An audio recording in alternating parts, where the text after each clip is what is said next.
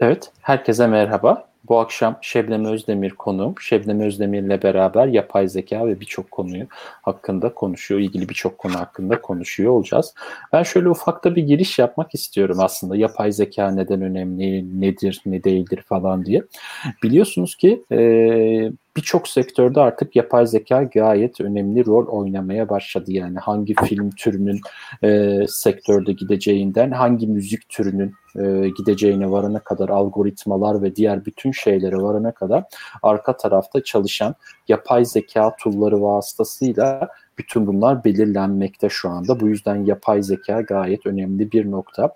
Yani e, firmalar raflardaki doluluk oranlarından e, finans uygulamalarına varana kadar yapay zekaları kullanmaktalar. Bu bizim için gerçekten çok e, önemli bir nokta yapay zeka ve yapay zeka algoritmaları.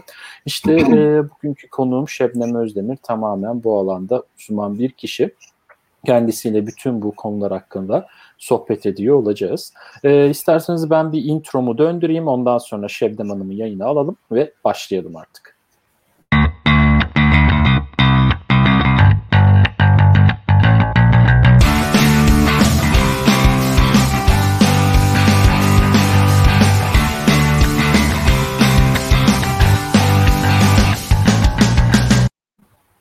Evet, şimdi yayındayız arkadaşlar. Ee, Şebnem Hanım da konuğum. Şebnem Hanım'ı da yayına aldım. Merhaba Şebnem Hanım. Merhabalar. Nasılsınız? Nasılsınız? İyiyim Teşekkür siz? ederim. Sağ olun. Çok teşekkürler. Evet bakalım güzel bir yayın diliyorum size de kendime de özellikle. Karşılıklı ee, evet. aynen öyle. Şimdi e, ben genellikle konuklarımı şu şekilde bir soruyla başlıyorum. Hani bize kendinizi tanıtır mısınız diyorum. Böyle bir soruyla başlıyorum. Ondan sonra da sohbetimize e, başlıyoruz. Evet bize kendinizi tanıtır mısınız? Kimdir Şebnem Özdemir?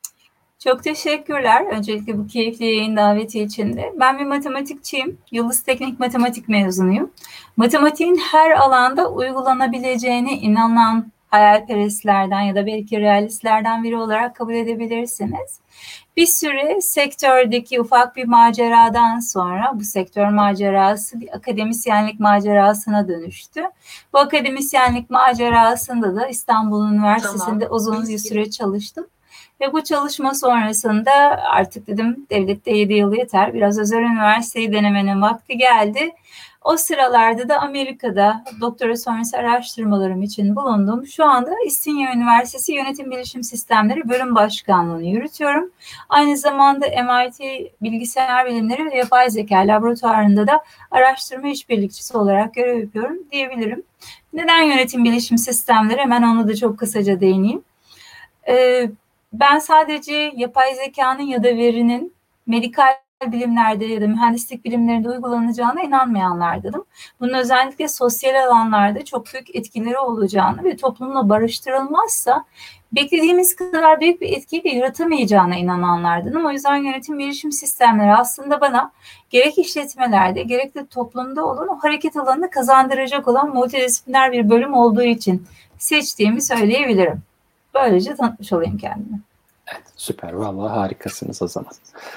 Ee, o zaman şöyle ben size küçük küçük sorular hazırladım. Ee, hani bu sektördeki sizin hani bilgi birikiminiz ve tecrübenizden yararlanmak adına böyle ufak sorularımı sormak istiyorum.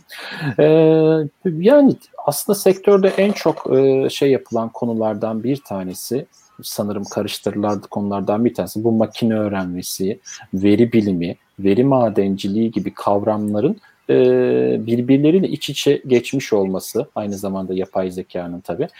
bunlar arasındaki farklar nelerdir? Bize birazcık bunlardan bahsedebilir misiniz ki biz de artık bu konuyu iyice bir anlayalım.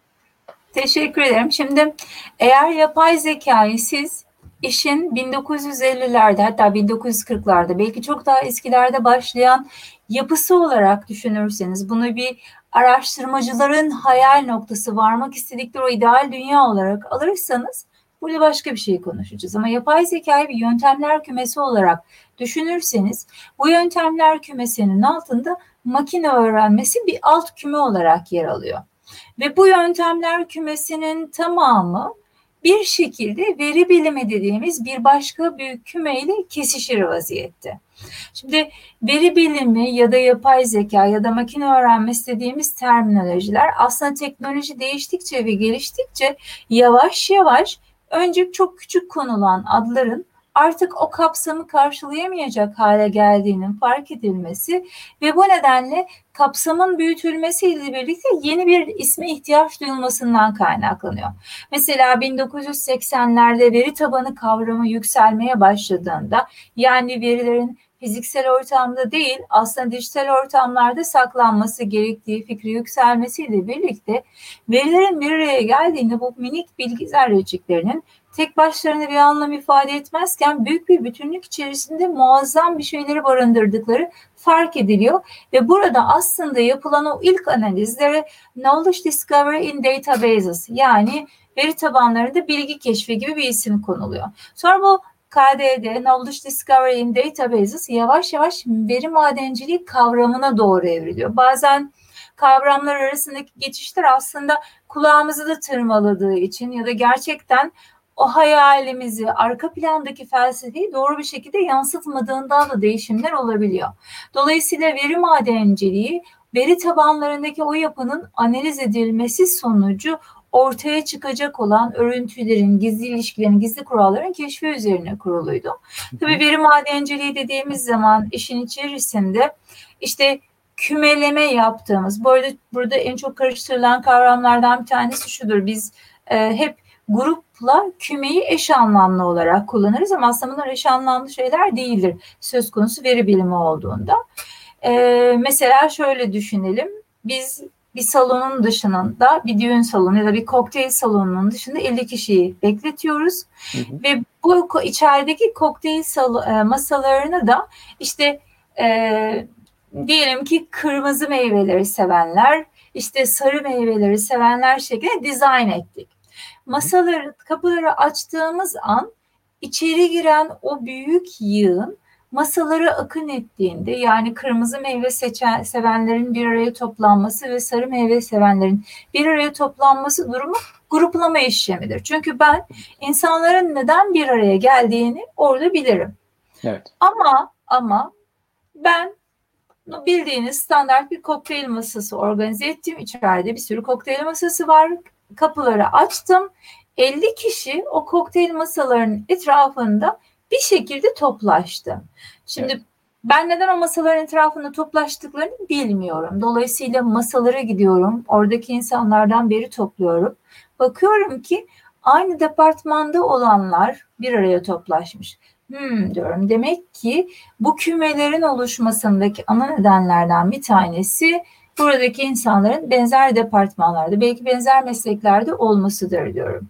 Yani grupta ben insanların ya da verilerin neden önce bir araya geldiğini bilirken kümede bu bir araya gelmenin kaynağının ne olduğunu sonradan keşfediyorum. Şimdi evet. veri madenciliğinin altında kümeleme yapıyoruz. Bunun dışında birliktelik analizleri yapıyoruz. Yani bir satın alma davranışının bir başka satın alma davranışıyla alakasız gibi görünürken neden alakalı olduğunu ya da birbiriyle alakasız iki davranışın neden birlikte gerçekleşebileceğini keşfettiğimiz bir analiz türü var. Birliktelik analizi.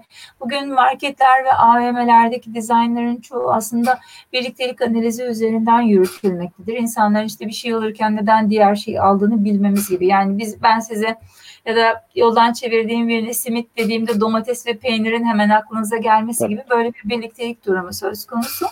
Bir de bunun Hatta dışında evet ayran bazen. Evet.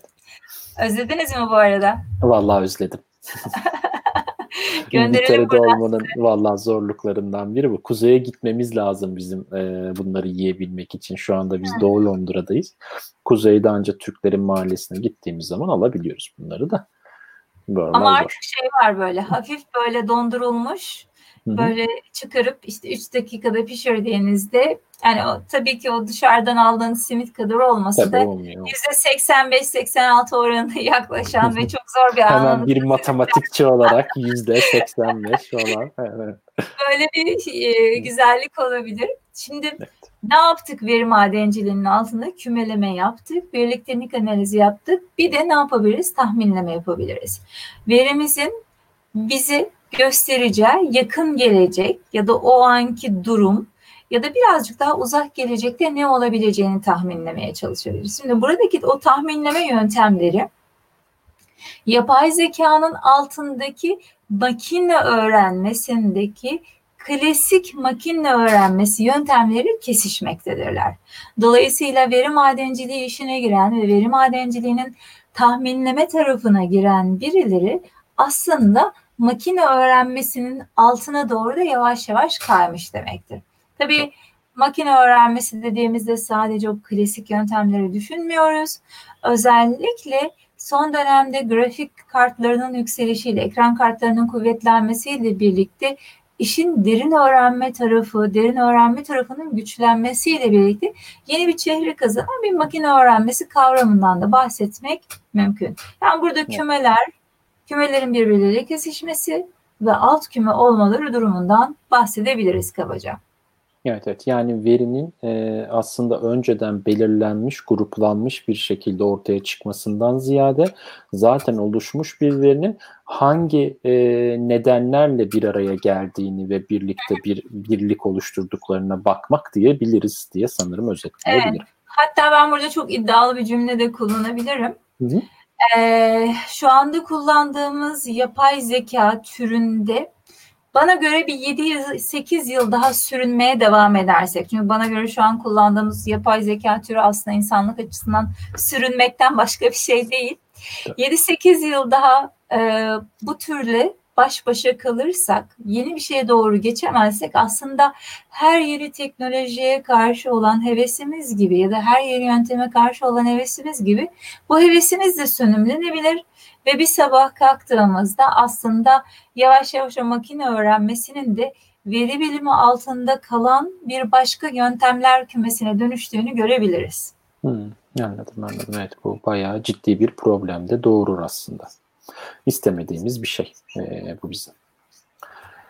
Peki bakalım. O zaman birazcık da hani genel sohbet konusu olarak da şunu sormak isterim size. Hani Covid-19 sizi ve öğrencilerinizi falan nasıl etkiledi? Bir eğitimci e, kimliğiniz olduğunu bilerek sormak istiyorum. Siz de uzaktan eğitim yolunu mu geçtiniz? Ne yaptınız? Nasıl bir e, çözüm buldunuz sorunla alakalı? Çok teşekkürler. Ee, ben Türkiye'deki böyle ilk uzaktan eğitim macerasının içerisine düşmüş olanlardan biriyim. Çünkü o zaman İstanbul Üniversitesi'nde akademisyenliğe de yeniyim. Yani çok acemi olduğum bir dönem. Uzaktan eğitim başlıyor falan diyorlar. Ona zaten acemiyim. İşte Hı. bana dediler ki böyle çok değerli profesör hocalarımız var sen onlara asistanlık edeceksin. Ben zaten hani olay ne oluyor ne oluyoruz falan burada. Hocalar zaten ya uzaktan mı olur bu işin öğrenci dediğin sınıfta olur. Şimdi tam böyle bir kaosun ortamında olayı ayıklamaya ve anlamlandırmaya çalışırken aslında ciddi bir ızdırap ve ciddi bir anlama süreci yaşamıştım. Şimdi e, o dönemden kalan deneyimim aslında bu süreçte çok işime yaradı.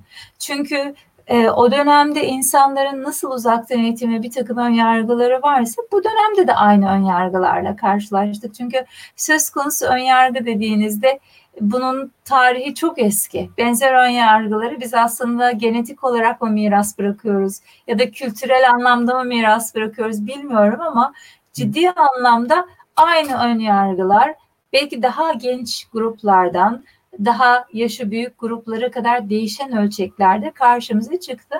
Ben her şeyden önce öğrencilerimi ön yargısız olmaya alıştırmaya çalıştım. Şimdi burada mesela iki grup çok dikkatimi çekti. Ee, benim böyle daha büyük sınıflarım işte üçüncü sınıflarım dörtlere geçenler falan olayı çok böyle büyük bir sevinçle karşıladılar. Ee, şu nedenle sevinçle karşıladılar. Şimdi e, normalde yönetim bilişim sistemlerinin çoğunda veri madenciliği dersi ya olur ya olmaz. Bizimkinde dört tane veri bilimi dersi var. Veri bilimi 1, 2, 3, 4. Dolayısıyla hepsinin kabusu vaziyette ve hani şöyle söyleyeyim. Biraz acımasızca gelecek ama e, geçme notumuz 75 falan. Oo. Çünkü şey diyorum hani %50 bilen doktora gider misiniz? Canınızı emanet eder misiniz? Annenizi ameliyat masasına evet. yatırır mısınız? Yatırırım. O zaman %50 bilen veri bilimciye de kimse verisini emanet etmesin. Sonuçta şirket size güvenerek yatırım yapacak ya da karar evet, vericiler evet. size güvenerek diyecek ki hadi bugün bunu yapıyoruz, şunu yasaklıyoruz, bunu serbest bırakıyoruz. Çok riskli bir durum. Toplumda olan dengeyi de bozabilirsiniz. O yüzden 75 tabii şimdi öğrenciler için dersi bir kere dinliyorlardı fiziksel ortamda.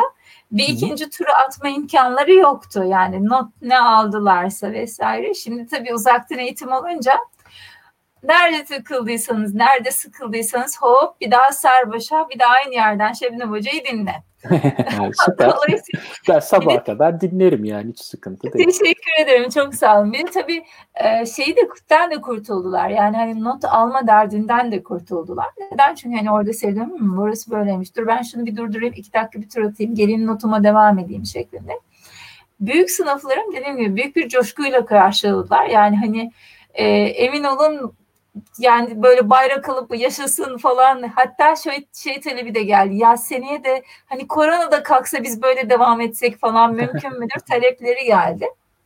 Şimdi büyük sınıflar bu kadar pozitifken daha okula adım atmışken hani biz bu üniversite sınavından çıktık şimdi üniversite ort e, ortamlarına akacağız yani kitle de çok böyle şey oldu gariban Tabii, hale geldi. Moralleri bozuldu ciddi anlamda da rahatsız oldular. Çünkü hani e, biz hepimiz üniversite sınavı macerasından öyle ya da böyle ya çevremizden ya kendimiz deneyimleyerek e, o bir yılın hayatımızda yaratmış olduğu boşu iyi biliyoruz. Dolayısıyla üniversite o başlangıç bizim aynı zamanda e, ipini koparmış şekilde kendimizi hani William Wallace gibi freedom şeklinde sahalara koşmamız gibi bir şey.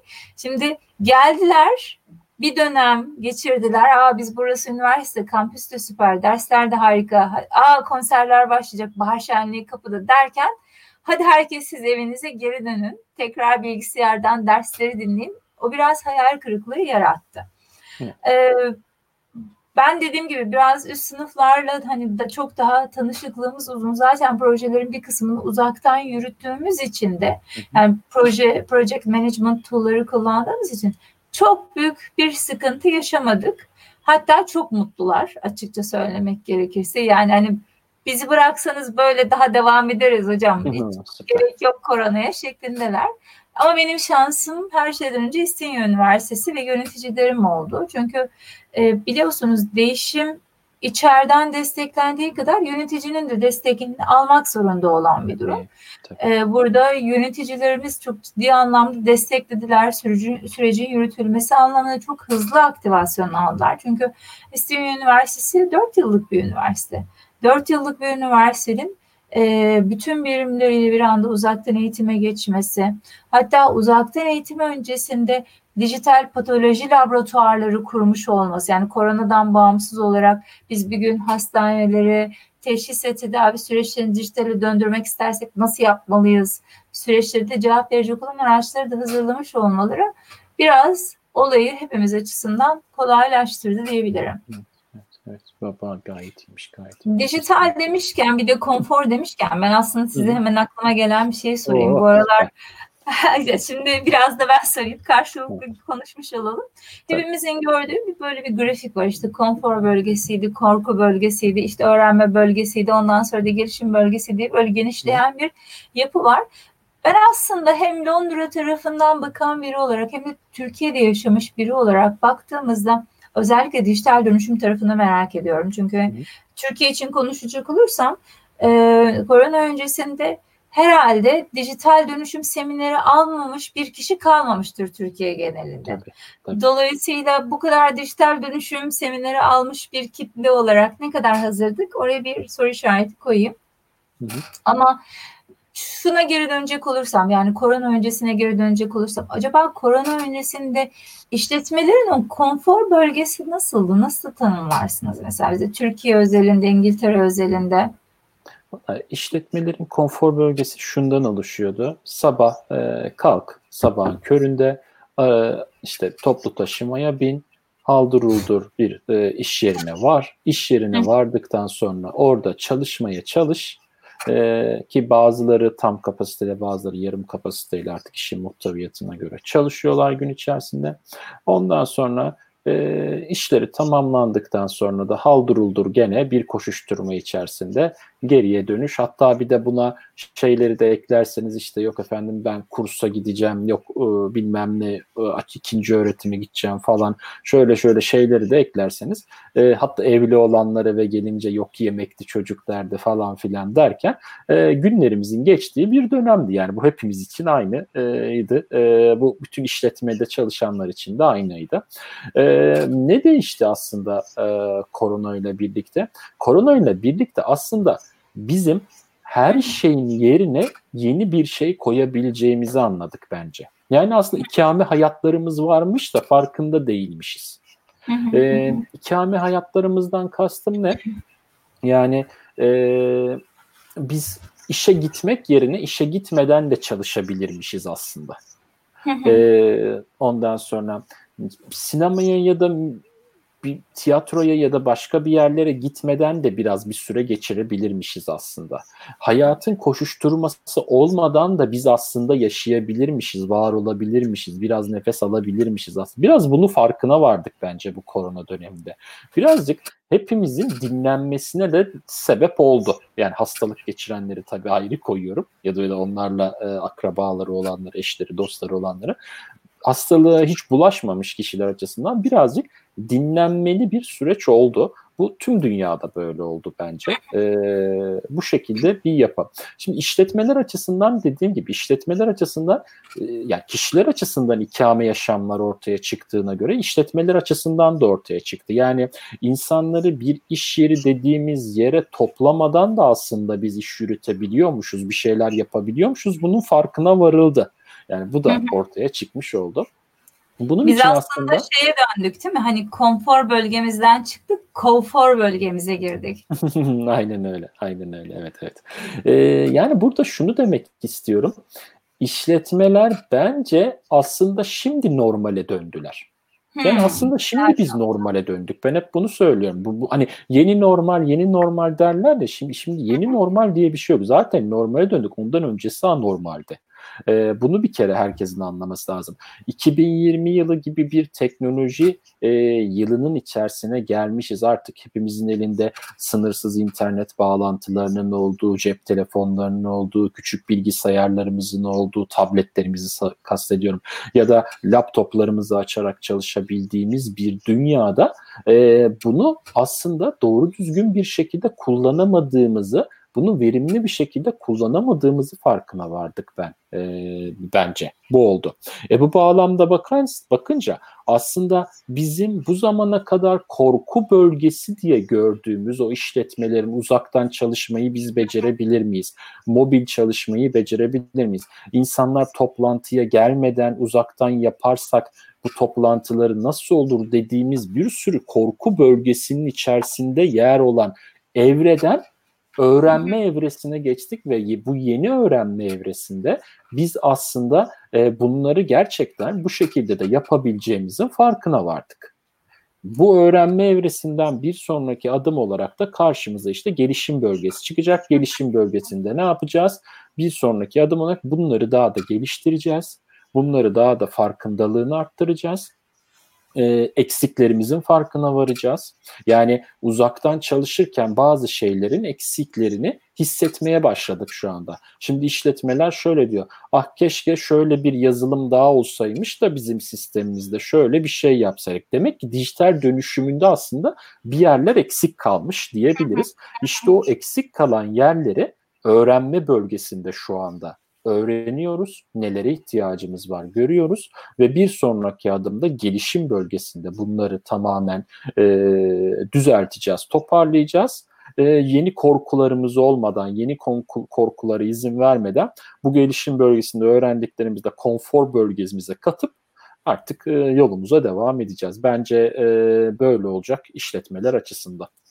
Evet ben şuna da inanıyorum. Mesela bu korku bölgesinin önemli fırsatları doğurduğunu inanıyorum. Çünkü startuplar tüm bu korkulardan beslendiler ve dolayısıyla bu korkuları çözüm bulacak olan yapıları oluşturmak için bir öğrenme yaşadılar. Şimdi gelişimi de belki biz o startuplar, yeni fikirler, yeni ufuklar sayesinde tamamlayacağız.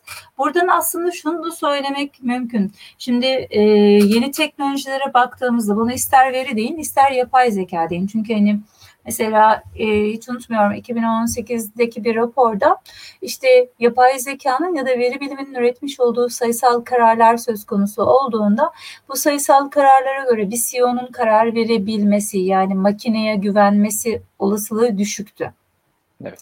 Dolayısıyla biz değişime direnç tarafında da yavaş yavaş o direncin ne kadar dik tutarsak tutalım, kuyruğu dik tutmak tabiri yerindeyse aslında çok da bir işe yaramadığını görmüş olduk. Dolayısıyla e, adapte olabilenin hayatta kalabildiği, yani bunu canlı olmak anlamında değil, ekonomik, pazar ya da rekabet anlamında var olabilmek olarak baktığımızda adapte olabilmek, e, adapte olabilmenin, esnek olabilmenin, o kadar dirençli olmanın aslında çok da işe yaramadığını görmüş olduk ama ben yine e, şeyi sormak istiyorum. Mesela değişime direnç algımızı siz nasıl değerlendirirsiniz bu korona sürecinde?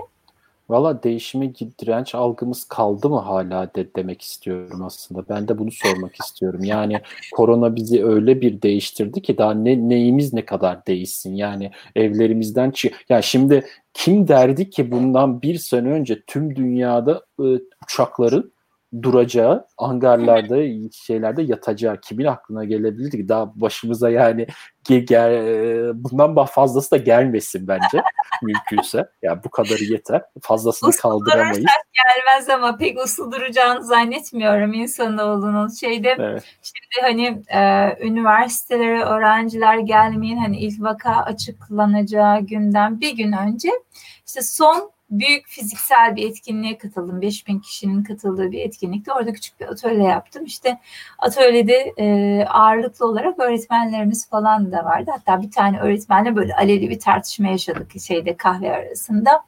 İşte sosyal medyayı kullanmanın öneminden falan bahsettim. Dijital araçları kullanmanın öneminden de bahsettim. Öğretmenimiz de bana şey dedi. Ya dedi benim de çok güzel bir fiziksel dünya var. Acayip güzel arkadaşlarım var sosyal medya çok kirli. Neden kendimi o kadar uğraşayım yani düzeltmek için? Dedim ama orada da bir hayatınız olsa iyi olur. İşte biraz tabii kirli olduğunu ben de kabul ediyorum. Gereksiz haberlerin çok paylaşıldığını ben de kabul ediyorum. Ama siz oradaki çevrenizde güzelleştirirseniz güzel haberlere, verimli bilgilere ulaşabileceksiniz. Tabii. Fiziksel dünya dururken niye dijital dünya için böyle bir çaba ve zaman harcayayım ki gibi bir soru sordu. Ben de şey dedim. Ya umuyorum günün birinde buna neden olabilecek bir durumla karşılaşmazsınız dedim. Eyvah eyvah. Çünkü o akşam vaka açıklandı etkinlikler iptal. Eyvah. Böyle bir durum olmuş oldu evet. Yani hani gerçekten beklemediğimiz yerden vurdu bizi. Kesinlikle kesinlikle. Yani ben tam korona önceki dönemi hatırlıyorum. Ee, Lisbon'dan İngiltere'ye gelmiştim. Bir etkinlikte konuşmacıydım. Lisbon'dan İngiltere'ye geldim. O hafta içerisinde e, bir sonraki hafta Amerika'ya uçuşum vardı. Amerika'dan geldikten sonra da İstanbul'daki bir etkinlikte konuşmacı olacaktım. E, bunların hepsini planlamıştım. Uçak biletleri de alınmıştı ve bunların hepsi iptal. Yani bir aylık programımda direkt bir boşluk oldu yani. Biz ben şimdi ne yapacağım şeklinde geldi. E, ve inanılmaz bir şekilde kal, kala kaldık yani. Hatta bir de tatile gidecektik biz bir de e, ailecek. O, o tatil bile arada kaynadı yani. Ve inanılmaz bir süreç oldu gerçekten böyle. Vallahi bilmiyorum artık. hayırlısı diyelim bu korona ile ilgili şeyler. Umarım ikinci bir dalga falan e, bir şey gelmeden e, bir şekilde bunu süreci atlatabiliriz yani. Bunu demek istiyorum sadece. Hazır diğer ülkelerden bahsetmişken ben e, bir şeyden daha bahsetmek istiyorum. E, yapay zeka çalışmaları konusunda en çok patent ülkeler alan ülkelerden başında Çin geliyor ilginç evet. bir şekilde. Yani Çin'in hatta e, bu yükselen yıldız olmasında bu alanda yaptığı çalışmalarında gerçekten bir katkısı olduğunu düşünüyorum. Çünkü yüz tanımayla marketlerde, kasalarda e, dijital e, wallet'lara, cüzdanlara bağlanarak oralarda e, kasada ödeme yapabilme, ne bileyim belli noktalardan geçebilme gibi birçok şeyi denetliyorlar. Kim nerede o anda ne yapmış ne etmiş birçok şeyi insanları izliyorlar bu e, yapay zeka araçlarıyla, kameralarla, termal kameralarla ve özel kameralarla. Yani baktığınızda Çin bayağı aldı, yürüdü başını gitti. Amerika'yı bile geçti. Peki bunlar neyse gidiyorlar da bizim Türkiye ne alemde bu konuda? Hani bu işin içinde olan biri olarak ben size asıl onu sormak istiyorum. Onlar tamam yapsınlar yapacaklarını da bizim ülkemiz ne durumda? Ya şimdi tam bizim ülkemize geçmeden önce önce Çin ile ilgili çok küçük bir takım anekdotlar vermekte fayda var. Şimdi her sene Stanford Üniversitesi'nin yayınlamış olduğu e, AI Index raporu var. İşte 2019'un Aralık ayının herhalde 3.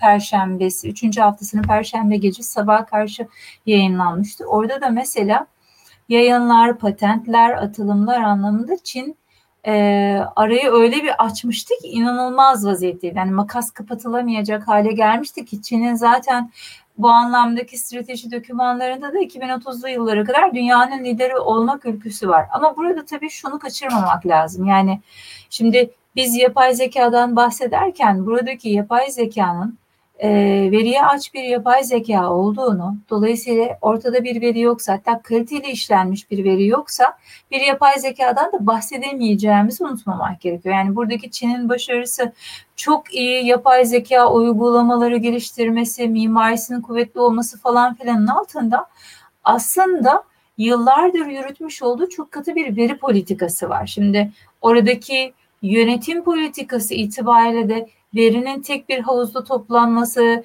o havuzdan o verinin devletin kendi selayeti için kullanılması yani vatandaşından ziyade devletin bütünü ve varlığının devam ettirilmesi üzere kullanılması tabii ki hem verinin toplanması anlamında ülkecek bir deneyim katıyor hem de o veriyle neler yapabileceğiniz konusunda ciddi bir görüş sağlamış oluyor. Yani açıyı genişletiyor. Hatta şeyde korona e, korona öncesinde e, zaten suçlularla ilgili bir veri tabanları vardı.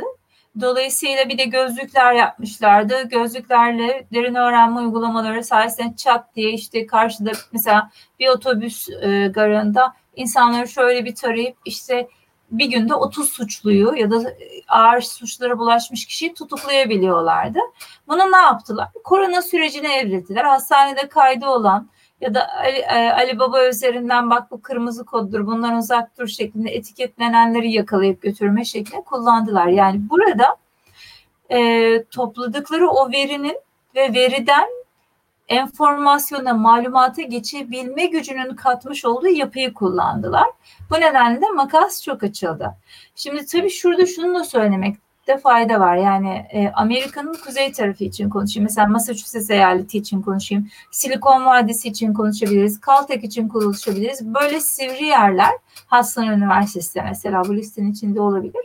Gerçekten Çin'le yarışabilecek düzeyde hamlelere sahip. Hatta e, korona ilk başladığında Ocak ayında yayınlanan bir rapor şunu söylüyordu. Eğer korona süreci bu katılıkla devam ederse Çin'i öyle bir silip süpürecek ki Çin yapay zekanın merkezi olmaktan çıkacak, yapay zekanın merkezi olma hikayesi Orta Doğu'ya kayacak. Hatta bu e, merkezleşme hikayesinde sanıyorum yüzde on dörtlere varan bir payda Suudi Arabistan'a ait olacak deniyordu. Şimdi tüm bu tablo içerisinde hareket alanını güçlendiren şey bir verinin olması, iki veriyi işleyebilen, her anlamda işleyebilen kaliteli ekiplerin olması, üç multidisipliner ekiplerin bir arada çalışabilmesi. Çünkü gerek Çin'in uygulamalarında gerek az önce saymış olduğum bölgeler üniversitelerdeki uygulamalarda e, multidisipliner ekiplerin bakış açısı çok önemli kabul ediliyor ve herhangi bir alanda biz verimiz varsa yapay zekayı da uygulayabiliriz olarak kabul ediliyor. Yani böyle katı çizgiler yok. Efendim psikolojide yapay zeka uygulanmaz. Neden? İnsan davranışları bilinmez çünkü. 1949 yılında yayınlanmış olan bir makalenin o savını getirip önünüze ya da gözünüze sokmazlar. Ya da çok teknik kabul ettiğiniz bir projede bile muhakkak içeriği birileri de sosyal bilimlerden birilerini alırlar. Ben hemen e, MIT'deki görev yaptığım projelerden birinin örneğini vereyim. E, geçen sene yazın devam ettiğimiz bir projeydi. Tabii şu an kimsenin laboratuvarlara erişimi olmadığı için e, proje biraz askıya girmiş vaziyette. Yani böyle ana ekipler oradalar şu anda. Ne yapıyorduk biz? Hayatımızda robotların var olması ile ilgili bir takım senaryolarımız vardı ve bir insan hayatında yatak odası, mutfağı, oturma odası, banyosu bir robotu istemezse neden istemez? Şimdi neden istemez sorusu kritiktir. Sizin bir takım kültürel değerleriniz varsa, önyargılarınız varsa, çok fazla Hollywood filmi seyretmişseniz tabii ki robotu istemezsiniz. Ee, ya da robotun cüssesi size büyük gelir, korkutucu gelir, sevimsiz gelir. İşte birlikte bir sandviç yaparken hardalı yanlışlıkla e, gömleğinize hani o sabah telaşınız vardır gömleğinize sıkması sizi böyle dünyanızı karartır falan. Evet. Şimdi bizim mesela burada yaptığımız şey şuydu. Bilerek ve e, bilerek hatalar yaptırtıyorduk. Bilerek yavaş, bilerek hızlı çalıştırıyorduk. Bir de normal senaryolar vardı. Burada insanların davranışlarını incelediğimizde giyilebilir cihazlarımız da vardı. Görüntü de analiz ediyorduk. Veriyi iki kola ayırmayı hedeflemiştik.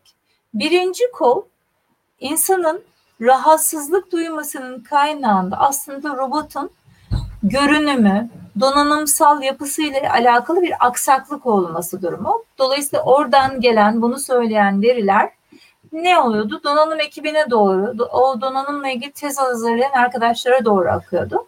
İkinci nokta aslında sizin kendi iç dünyanızla, kültürünüzle, büyüme biçimlerinizle alakalı ya da ailenizle alakalı nedenlerden dolayı bir tiksinme ya da rahatsızlık hissetmiş olabiliyorsunuz.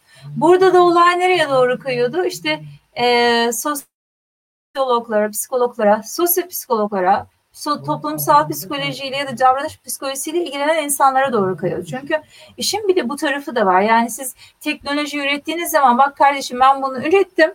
Herkes kullanacak, müthiş memnun olacak böyle bir dünya yok. İnsanın onu içselleştirmesi, hayatına entegre edebilmesi sanıldığı kadar kolay olmuyor.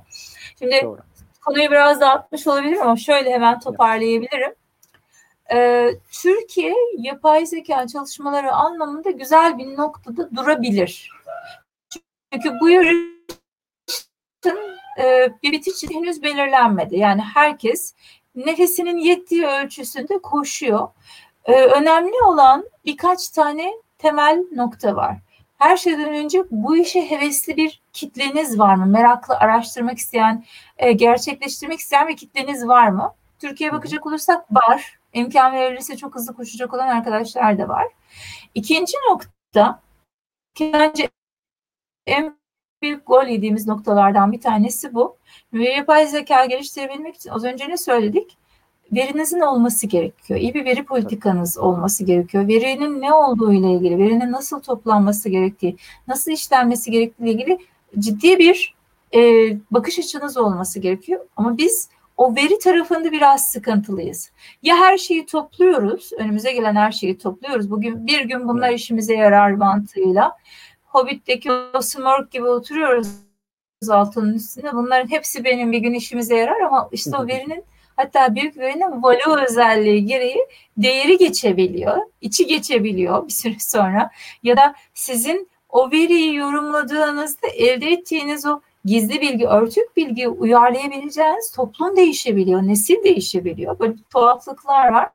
Bir orada sıkıntımız var. İkinci önemli sıkıntımız da multidisipliner ekipler konusunda zayıfız. Yani bizim hala böyle keskin çizgilerimiz var. İşte bu bir mühendislik problemidir diyoruz. Sınırlarını çekiyoruz ve içeri kimseyi almamaya çalışıyoruz. Ya da bu konuda kesinlikle yapay zeka uygulanamaz diyoruz. Sınırlarımızı çekiyoruz ve kabul etmiyoruz. Hayır.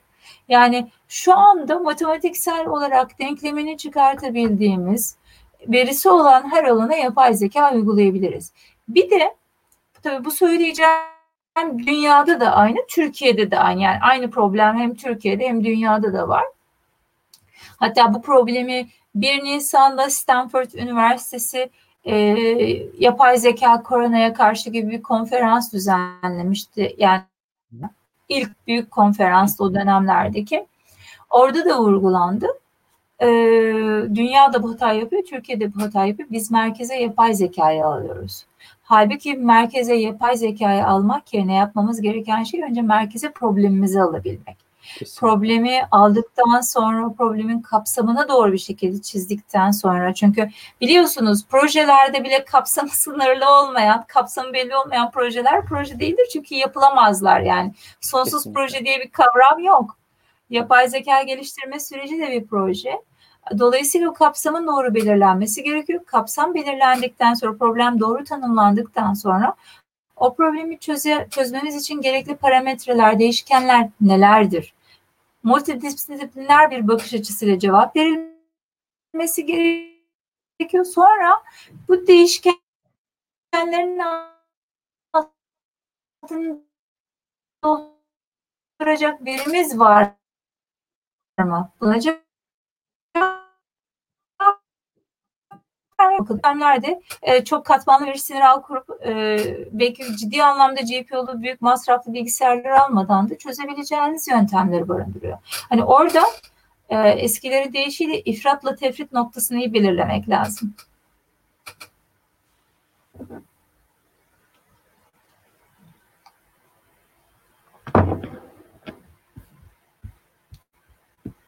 Pardon benim sesim yokmuş hemen düzeltiyorum. Ee, bu, bu durumda Türkiye bir şeyler yapabilecek noktada ama şöyle bir sorunumuz var. Veriyi toplamakla alakalı e, bir türlü doğru yolu bulamıyoruz diye aslında evet. e, biraz toparlayabiliriz bu konuyu. E, tamamdır ya en azından bir başlangıcımız var. En azından istediğimiz zaman bir şeyleri yapabiliriz. Veriyi toparlamak konusunda birazcık düzenlemeler yaptığımızda da her şey yerine oturacaktır. Ben çok karanlık bir gelecekte değiliz en hayır, azından. Hayır, hayır. Ben yani e, gri ya da böyle siyah tablolar çizmeyi sevmem. Çünkü Hı-hı. insanlık tarihine baktığınız zaman her an her şey olabilir. Bakın bir gün hepimiz evlere kapandık ve gönüllü olarak oturduk. Dolayısıyla hani burada Türkiye en sondadır, en baştadır. Bu yarışın en sonu ya da en başı şu anda yok. Hep herkes koşuyor. Dolayısıyla çok iyi bir noktada bir anda ileriye doğru zıplayabilirsiniz. Ve bariz bir örnek vereyim. Mesela e, mikrobiyom çalışmaları ile ilgili Amerika'da 2013 yılında Rebiotics firması ilerlemiş vaziyette. Tek firma. Ama mesela bu firma bir noktaya odaklanmış ve aslında çok da büyümemiş bir firma olmasına rağmen Türkiye'den yükselen bir startup diyetiniz, bağışıklık sisteminiz hatta otizmin bile bu süreçler dengelenmesi yoluyla tedavi edilebileceğini söyleyebilecek kadar ileri, ileri bir noktaya kadar evrildi. Yani içeriden çıkan ciddi kuvvetli startuplar var aslında. Ama da hemen şurada bir eleştiri de yapayım. Çok böyle sert bir şekilde yapayım çünkü hazır eyvah. gardınızı alabilirsiniz. Bizde tabii şöyle bir sıkıntı da var. Şimdi ben mesela e, öğrencilerimi startup kurmaları konusunda genelde teşvik ediyorum. Yani o bir kere o deneyimi yaşamak lazım. Tokatsa tokat, başarıysa başarı fark etmez. Hepsi önemli şeyler kazandırıyor. Ee, mesela şu an Orta Avrupa'ya hizmet satan bir öğrenci grubum var. Çok harika bir yani öğrenciler artık mezun oldular. Harika bir startupları var ve hepsinin söylediği şey şu. Hocam biz işte Orta Avrupa'ya hizmet satıyoruz. Bize soruyorlar Türkiye'de sizi kaç kişi kullanıyor?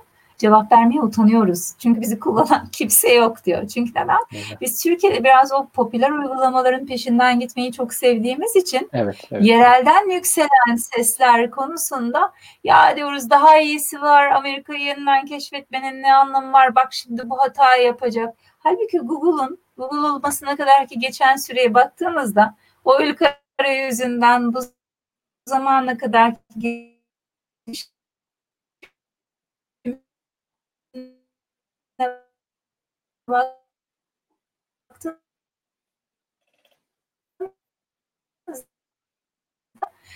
o da bir sabır istedi. Hatta birkaç Hı. nesil değişti yani arada. Bildiklerim geldi mi?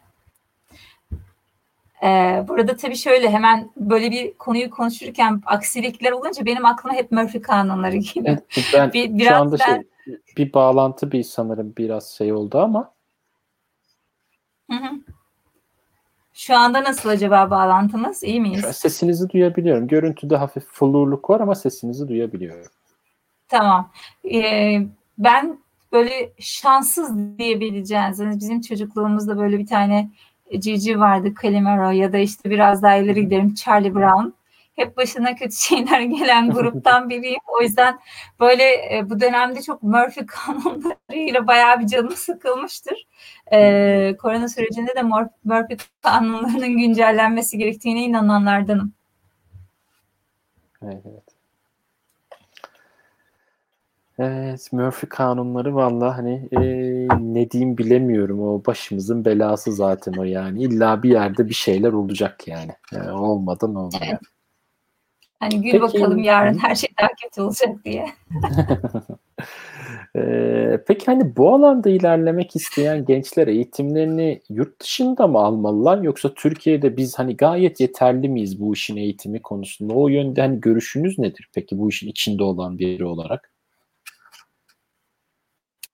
Yani şöyle biz biraz e, eğitim tarafını şu zamana kadar yani belli bir süreye kadar yapay zeka ya da veri bilimiyle ilgili eğitim tarafını biraz lisansüstü tarafına taşımıştık ama e, bu iş lisansüstü tarafı için başlanma anlamında geç kalınan bir dönem. Çünkü çok daha erken yaşlarda belli matematik becerileri, algoritmik düşünme becerilerine sahipseniz başlayabiliyorsunuz. E, kimsenin yurt dışına gitmeden de gördük. Dünyanın içeriklerine, MOOC ortamları sayesinde erişebilmek mümkün. Burada başlangıç noktamızı iyi belirlememiz lazım. Uyarlayıcı mı olacağız, geliştirici mi olacağız? Bunu iyi belirlememiz lazım. Yani hani bir model var, ben o modeli alacağım, bir başka problemi uyarlayacağım, buradan yürüyeceğim diyorsanız yapacağınız işlemler farklı. Ama ben bir probleme çok özgün bir şekilde sıfırdan bir yol haritası ile geliştirmede yapacağım, geliştirme bulunacağım diyorsanız çekeceğiniz süreçler, öğrenecekleriniz nispeten daha fazla ve biraz daha farklı. Fakat işin özünde e, geliştirici olacaksanız matematiğini öğrenmek yer alıyor. Çünkü Tabii. sonuçta o algoritma dokunduğunuz zaman gelen veri setiyle birlikte bir güncelleme yapmanız gerekiyorsa, büyük veriyle çalışıyorsanız el mahkum klasik makine öğrenmesi uygulamalarını güncellemek zorundasınız zaten. O matematiği ya da o adamların nasıl ilerlediğini anlamak zorundasınız. Aksi takdirde e, yani yaptığınız iş herkese aynı tişörtü giydirmeye çalışmak gibi bir tuhaf bir duruma dönüşüyor. O yüzden arkadaşlara e, matematiği atlamamaları gerektiğini, biraz bu ilk makine öğrenmesi Türkiye'de yükselmeye başladığında istatistikçilerle makine öğrenmeciler karşı karşıya gelmişti. Bence gülünç bir tartışmaydı. Çünkü yöntem yöntemdir. Nerede işinize yararsa orada devam edersiniz. Yani Kesinlikle. benim bir küreğim var, onu her türlü kullanırım. Kayıkla giderken de kullanırım. İşte e, kum kazarken de kullanırım. Bu çok doğru bir algı değil nerede ne lazımsa onu kullanmak lazım gerekiyor. Evet. Ve e, istatistiğin de bu işin önemli nüans noktalarından biri olduğunu düşünüyorum. Çünkü istatistikteki bazı noktaları göz ardı ettiğinizde hı hı. bütün analiz ettiğiniz veride ya da oluşan süreçte ölümcül sonuçlara neden olabiliyorsunuz. Mesela en kaotik noktalardan bir tanesi yapay zekanın aslında çözüm üretmesi gerekirken ön yargıya sahip olması, bias konusu. İşte büyük de Feng dediğimiz büyük grup zaten çok kaotik örnekler önümüze koydu. Küçük gruplarda da benzer kaotik örnekler var. Ama o bias'ın ortaya çıkmaması için bizim aslında olayın en başında evren nedir, örneklem nedir, örneklem nasıl oluşturulur, dağılım türleri nelerdir sorularının cevaplarını iyi biliyor olmamız ve verimizi ciddi anlamda yoğuruyor, ciddi anlamda tanıyor olmamız gerekiyor. Aksi halde doğru. gözü kapalı veriye doğru atladığınız zaman bu işin zaten model geliştirmesi çok basit bir iş. Yani şöyle düşünün. Biz 8 aylık bir veri e, makine öğrenmesi projesi almış olalım. Bunun içine canlıya alma olmasın. E, bizim o herhalde bir 5-6 ayımız veriyi anlamakla geçer. Çünkü Tabii. verideki bütün hikayeyi, bütün tuhaflıkları çözdüğünüz zaman ha tamam burada ne olduğunu anladım ben dersiniz, düzeltirsiniz. Sonra makine öğrenmesi modellerini koşturmak o kadar böyle büyük, acayip e, makineniz iyiyse tabii sıkıntılı noktalar değil. Mesela burada şunu da dikkat etmek gerekiyor. Yani veriyi anlamak derken tek burada dikkat etmemiz gereken şey işte eksik değerler, outlier'lar, yanlış girmiş değerler bunlar değil aslında. Veriye bütünsel olarak baktığınızda eğer verideki hikayenin değişimi birkaç farklı bölgeden, birkaç farklı yapıdan yükseliyorsa belki veriyi bütünsel olarak değerlendirmemek, veriyi o bölgeleri, o yapıları, o kümeleri tespit ederek değerlendirmek daha mantıklı olabilir. Çok bariz bir örneğim var bu konuda. İşte büyük bir kurum e, eğitime dair bir veri kümesi vermişti. Büyük bir başka bilimsel kuruma analizi için. Ben de o toplantının moderatörlüğü, moderatörlerinden biriydim. Ee, o bilimsel kurumun önümüze koyduğu matematiksel model, daha doğrusu makine öğrenmesi modeli son derece başarılıydı. Hı hı. Fakat ürettiği karar kurallarından bir tanesi şuydu. Ee, annesi çalışan çocuklar okulda başarısız olurlar. Ha. Şimdi bunu karar yani şimdi biz diyoruz ki işte yapay zekaya bağlı olarak artık kanun yapıcılar dikkate alsınlar falan ama hı hı. ölümcül kurallar ürettiğinizde de kanun yapıcılar dikkate alırsa çok da hoş sonuçlar olmayabilir. Tabii, tabii, tabii. Şimdi mesela orada veriyle uğraşan ekibin şunu görmesi gerekli. Ya böyle bir sonuç çıkıyorsa mesela bu veri eğer Türkiye'den yükselen bir veri ise demek ki bölgelerde bölgelerden birinin diğerleri üzerinde bir dominantlığı söz konusu. Ya da ben bir eğitim problemini çözmeye çalışıyorsam bu ülkede kültürel çeşitlilik fazlaysa demek ki ben önce kaç farklı bölge veri özellikleri bakımından kaç farklı bölge özelliği olduğunu keşfetmeliyim. Çünkü siz e, güney sahillerini baz alarak bütün eğitimin problemlerini çözemeyeceğiniz gibi Doğu Anadolu'yu baz alarak da bütün eğitimin problemlerini anladığınızı ya da çözebileceğinizi sanamazsınız. Orada yükselen problemler, sesler, problemin çözülüş biçimi, verilerin e, yorumlanış biçimi birbirinden farklı olabilir. O yüzden gelen o bütünü büyük bir lokma olarak makine öğrenmesini yutturmadan önce bütün değil parçalı olup olmadığını da kontrol etmekte fayda olduğuna inanıyorum. Evet, evet kesin. Bu arada arada bir bağlantı gidiyor diyorlar da ona ben bir baktım. Ben sizi bölmeyeyim. Ee, Aa, ben şeyde yani böyle şu anda hiçbir sıkıntı yok gibi gözüküyor da o da evet, için şaşırdım. Ben, ben de yani ona bağlantı... şaşırdım. Evet şu anda tam pırıl pırıl bir görüntü var işin açıkçası. Teşekkürler sağ olun. Arkadaşlar nereden başlasınlar? Arkadaşlar araç partizanlığı yapmanın anlamı yok. Bir kere onu söyleyeyim. Yani ben üniversiteye başladığımda dediler ki Fortran var ya Fortran müthiştir öğren onu. Ama. Sonra ya aynen. Sonra hayır hayır Pascal. Sonra Pascal değil C. Hayır C plus. Hayır o da değil. Yani o diller hep değişiyor. Ona yapacak bir şey yok evet, yani. Evet. Ee, değişmeyen şey algoritmik düşünme becerisi. Yani o adamların iş adımlarının nasıl sıralandığı Bugün R ile Python arasındaki yarış anlamında değerlendir. İşte Python'cılar diyecek. Bence olabilecek en tuhaf e, atışmalardan bir tanesi çünkü gerek yok. İki tane araç sonuçta. Nerede ne işinize yarıyorsa onu kullanmakta aynen, fayda var. Yani hani her ikisinin de güçlü ve zayıf olduğu taraflar var. Mesela çok bariz bir örnek vereyim. Ee, mesela Python'da bir tane karar ağacı modeli oluşturduğunuzda o karar ağacını açıklayabilmeniz ve anlatabilmeniz o kadar kolay değildir. Görsel olarak da sıkıntılıdır. Tabii. Şimdi bizim yapay zeka tarafında çalışırken birkaç tane yükümlülüğümüz var geliştiriciler ve uyarlayıcılar olarak. Evet başarılı, düzelteyim, performans yüksek modeller evet. Aynı zamanda explainable AI yani açıklanabilir tarafa da hizmet edecek çalışmalar yapmamız gerekiyor. Mesela e, karar ağacı tarafından örnek verecek olursam bunu e, atıyorum çok böyle alana yabancı biri ağacın dallarına baktığı zaman çok hızlı bir şekilde fark edemezken Arda çok daha hızlı bir şekilde fark edebilir. Çünkü kurulan araç ya da görselleştirme tam dummy user mantığıyla kullanılmıştır. Ya da siz görüntü işleyecekseniz yani ciddi anlamda işte yüzler, e, resimler, Hatta hibrit modeller derin öğrenmeye kayacaksanız daha doğrusu bir makineye canlılık katacak, canlılık özellikleri kazandıracak, hareketlilik özellikleri kazandıracak şekilde ilerleyecekseniz evet orada Python tarafına girmekte fayda var. E, biyoloji tarafı ile ilgili biyomedikal veriler üzerinden çalışacaksanız mesela bioconductor paketi ARDA Python'ın pek çok paketine göre daha kuvvetlidir. Ya da görselleştirme yapacaksanız web tabanlı, animasyonlu, işte e, kendini güncelleyebilen çeviriyorsunuz. Bir o tarafından bakıyorsunuz bu tarafından. Mesela bu tarafında daha iyidir. Yani orada bence her ikisinin de iyi ve kötü taraflarını bilip işimize gelen yerde birini, işimize gelen yerde diğerini kullanmak gerekli. Yani biz biz mesela yapmıyor öyle eskiden? Trafiğe çıkıyorduk, bakıyorduk belli bir yere kadar araçla gidelim. Hadi bundan sonra metro yapalım. Hadi sonra taksiyle devam edelim. Araçları kullanmada da aynı esnekliği göstermemiz gerekir.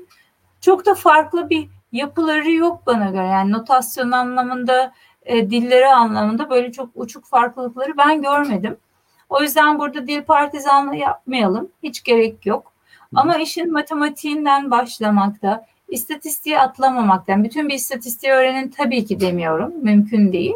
Ama bazı temel noktalar var. Nedir? Evren örneklem, işte e, mod, medyan, e, ortalama kavramı, dağılım kavramlarını bilmek gerçekten önemli. Bunları yorumlayabilmek de önemli.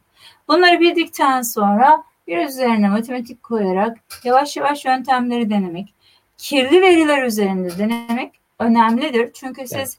Kaggle'da aldığınız Titanic veri setinde ya da Iris veri setinde her modeli koşturursunuz. Her model harika şekilde koşar ama gerçek dünyada modeller kör topal şekilde ilerliyor. Öyle koşan kimse yok yani. Tabii tabii doğru doğru doğru. Yani aslında işin e, temelindeki o verinin e, temizliği gerçekten çok önemli. Yani biz bugün Türkiye'nin ne kadar büyük şirketleriyle çalışırsak çalışalım e, veri temizliği konusunda ilk bize sordukları konulardan bir tanesi. E, çünkü yani zamanında yaptıkları yanlışlar ya da veriyi önemsememeleri verinin aslında şirketin değerli bir e, kaynağı olduğunun farkına varamamaları. Hani bugün şirketlerin en büyük problemlerinden bir tanesi nedir diye sorarsanız insanlar şunu yapıyorlar.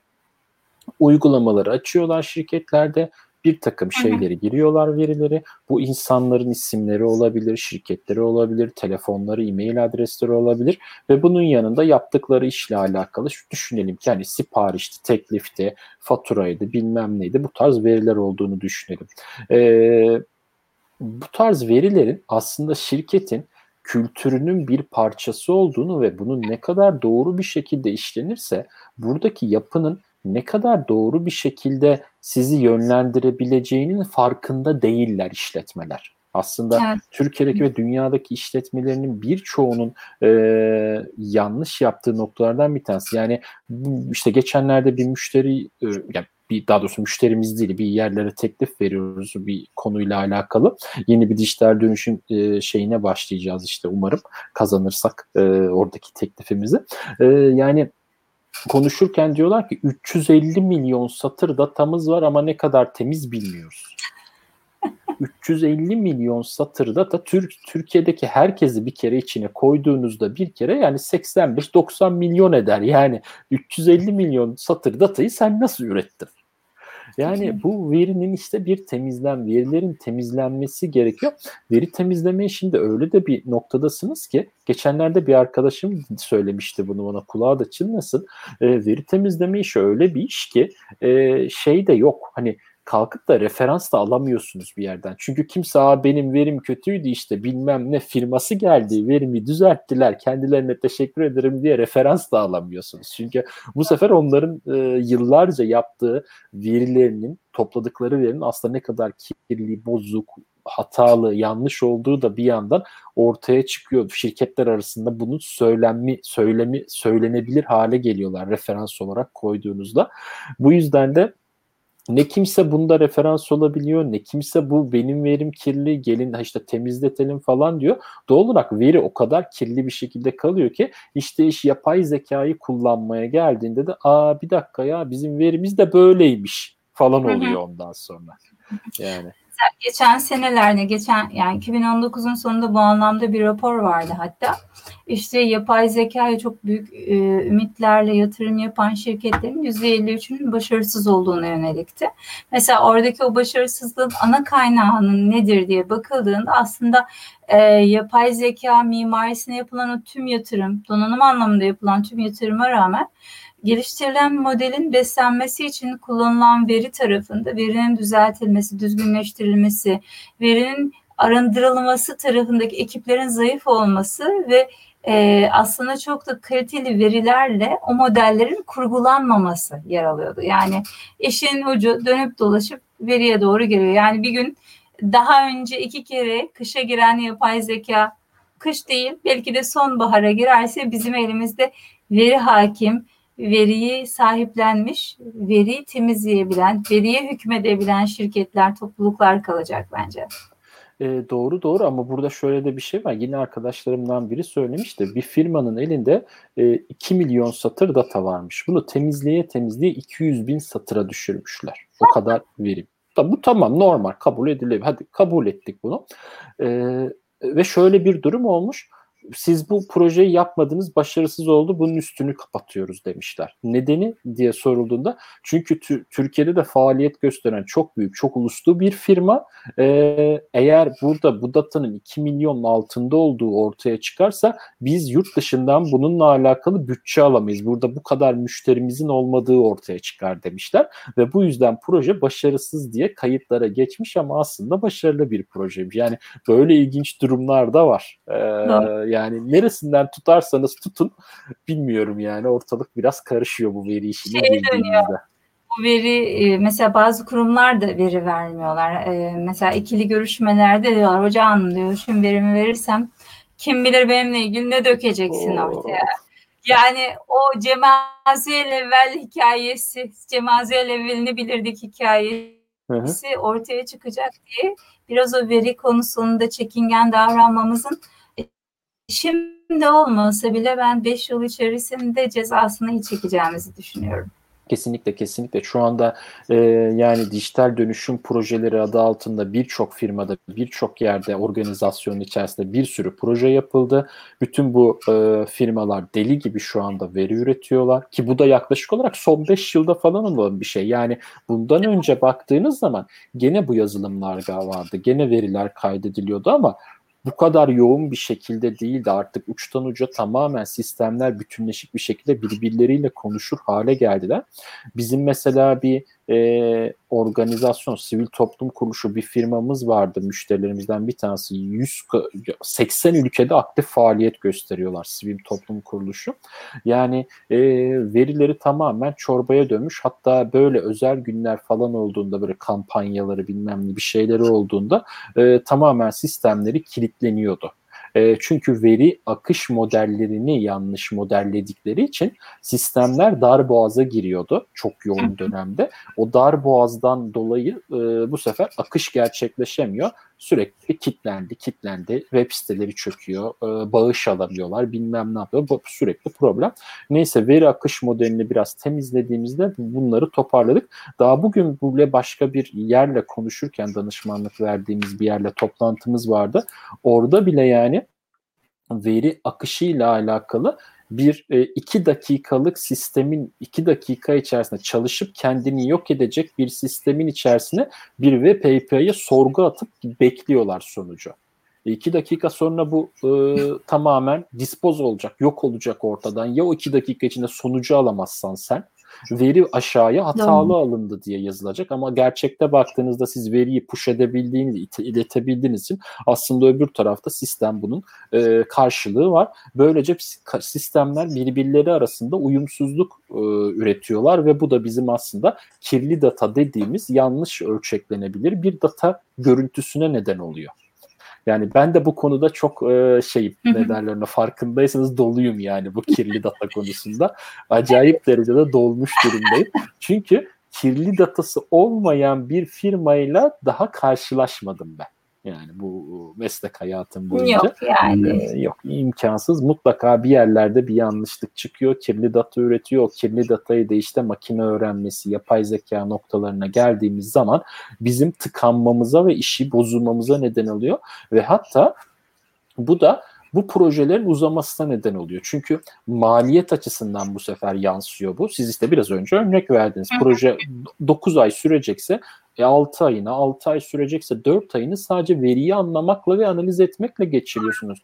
E neden? Çünkü siz zaten bir önceki sisteminizde doğru düzgün kurgulayamadığınız için bu.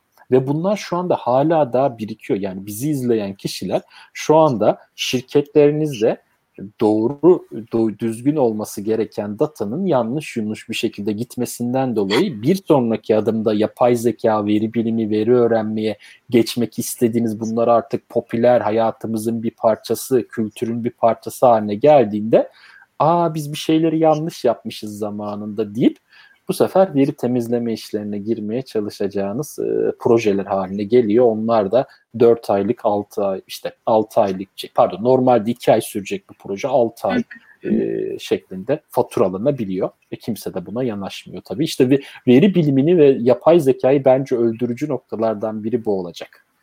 Doğru doğru yani kulağımızı şöyle tutmanın bir esprisi yok. Yani biz yapay zeka yapıyoruz diye piyasaya çıkmanın da çok fazla bir esprisi yok. Bizim önce verimiz var mı? Bu önemli bir değer. Verimiz evet. varsa. Verimiz ne kadar kirli, ne kadar temiz. Bunun farkındalığına sahip olabilmek de önemli bir değer. Tamam. Bunu ayıklayabilecek gücümüz var mı? Ya da outsource edebiliyor muyuz? Harika. Hadi şimdi yapay zeka. Yani o ilk adım yapay zeka değil. Kesinlikle. Zıpladığınız zaman dört basamak birden teker teker aşağı doğru üstelik de önemli maliyetler harcayarak inmeye başlıyorsunuz. Kesinlikle. Kesinlikle. Gerçekten öyle. Peki tamam konuyu birazcık değiştirelim. Birazcık da magazinel boyutlara gelelim mi? Mesela Cambridge Analytica demek istiyorum ben bu noktada. İşin birazcık evet. daha magazin boyutu. Yani ben burada bir Cambridge Analytica'yı ve Brexit sürecini hani e, birebir yaşamış bir kişiyim. Arka tarafta neler döndüğünü o zaman tabii anlayamamıştım. Brexit süreci inanılmaz derecede alevli geçerken burada. Daha sonradan işte e, Netflix'te Cambridge Analytica diye bir belgesel çıkınca aa dedik tamam işte meğerse olay buradan kaynaklanıyormuş ve nokta bu yani buraya kadar geldi. İngiltere Brexit sürecini yaşadı, çıktı ve e, daha hala bocalıyor. Yani yapmaması gereken bir şey yaparak bocalıyor. Sırf birileri böyle istedi ve birileri e, yapay zekayı bir şeyleri denemek için test etti diyelim aslında bu Brexit sürecinde. Bence test ettiler bir şeyleri.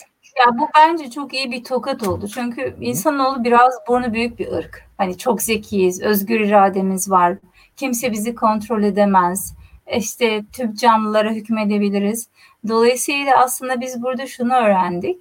Hür irademizle verdiğimiz seçimlerin de de kararların da aslında o kadar hür iradeyle verilmediğini görmüş olduk. Kesinlikle. Yani o hür iradenin etki altına alınabildiğini hem de bunu biz hiç fark etmeden yapılabilir halde olduğunu gördük. Çünkü normalde işte şöyle düşünüyor bizdeki kafalar hepimiz tüm dünya genelinde.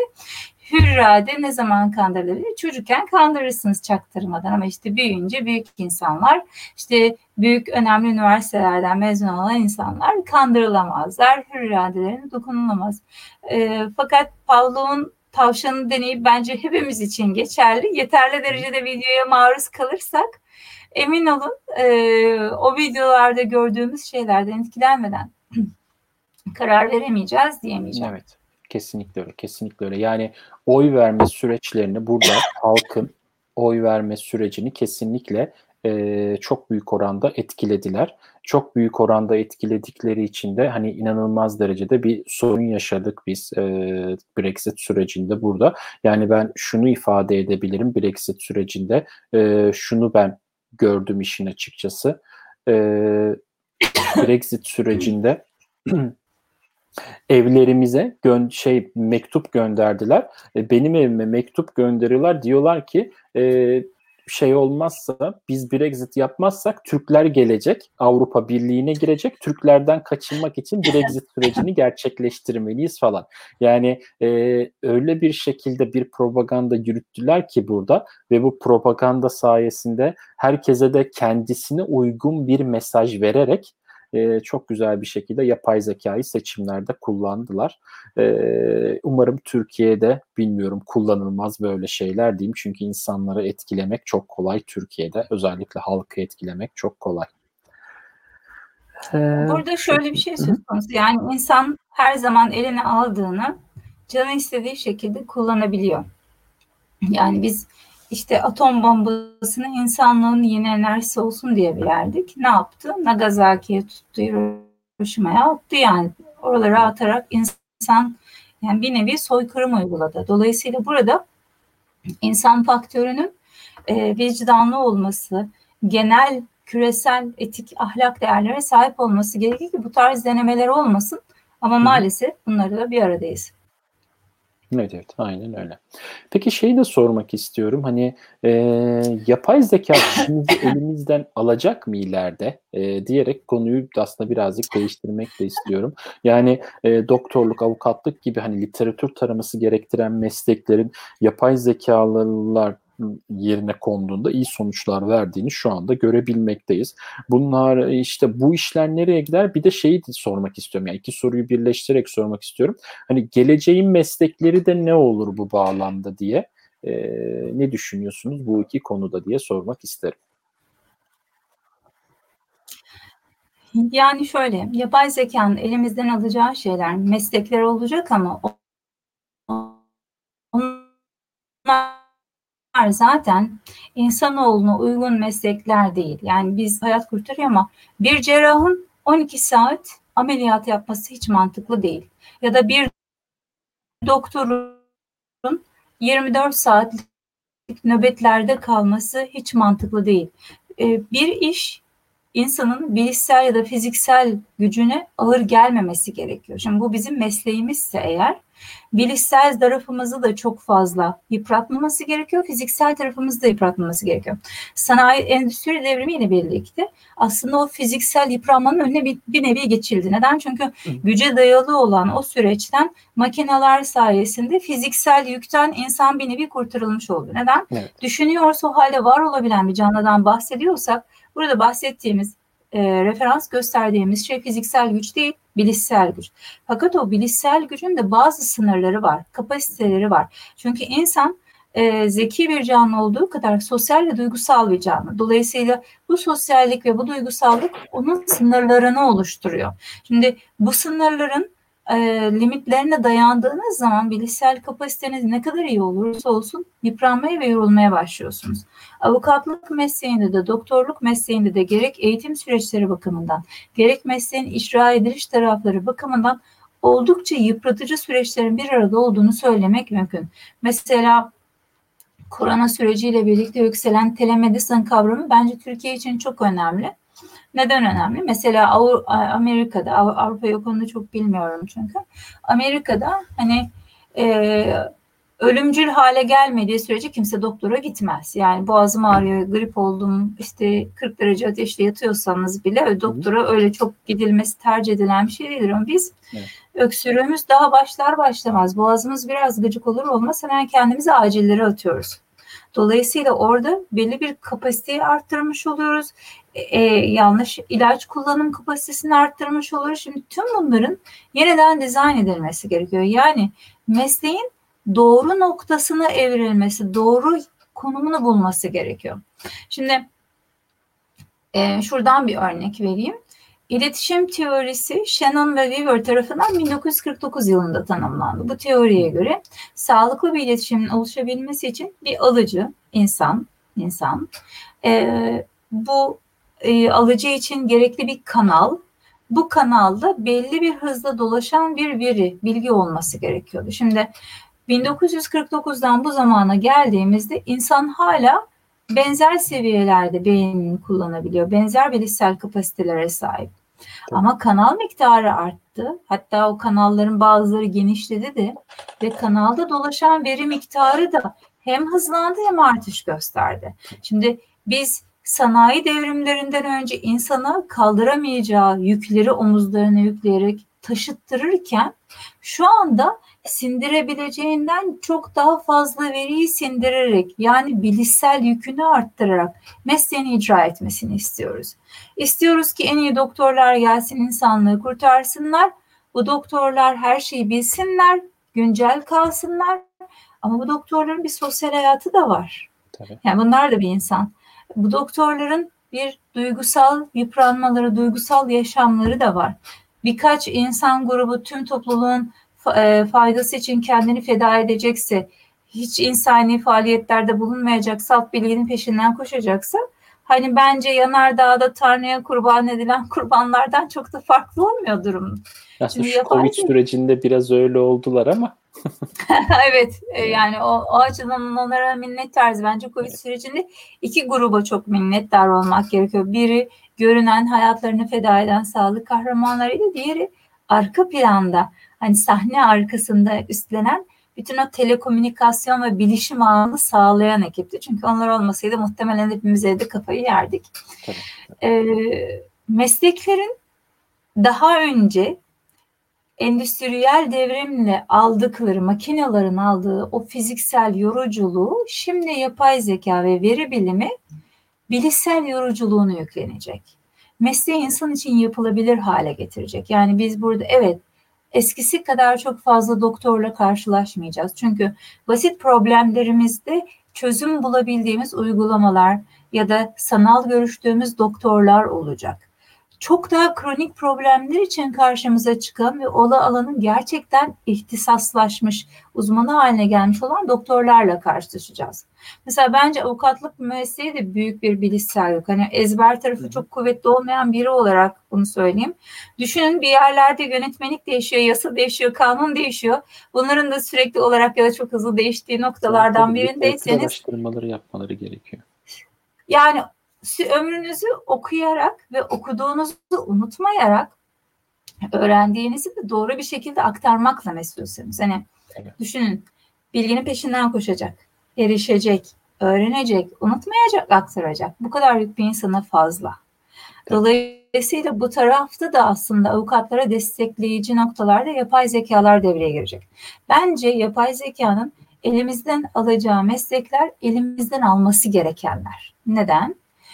Eğer tükenmişlik sendromu diye bir hastalık varsa, insanın mesleğinin ilk yıllarında kazanmış olduğu o coşkuyu, ilerleyen yıllarında lanet edercesine ve kaçacaklık ararcasına icra ettiği bir noktaya erişiyorsa, burada o mesleğin kapasitesinin, içeriğinin, tasarım biçiminin sorgulanması gerekiyor. Demek ki gerçekten de insana çok uygun bir meslekten bahsetmiyoruz. Yapay zekayı devredilecek olan noktalar bunlar.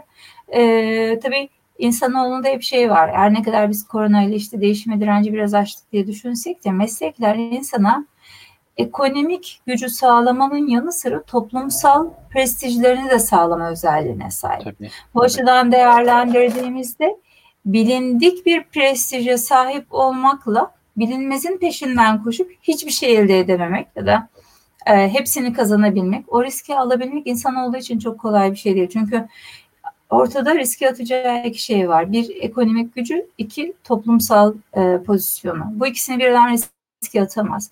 O yüzden ben mesleklere karşı değişim konusunda bu kadar kucaklayıcı olmadığımızı düşünüyorum.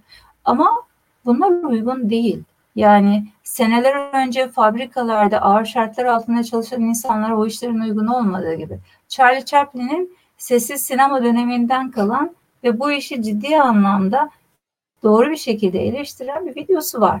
Dolayısıyla biz burada yüzümüzü henüz adını koymadığımız ama potansiyel olarak hayatımızı kolaylaştıracak mesleklere çevirmek zorundayız. Kalıplarımızın dışına çıkmak, kalıplarımızın dışından olayı değerlendirmemiz gerekiyor. Doğru. Doğru.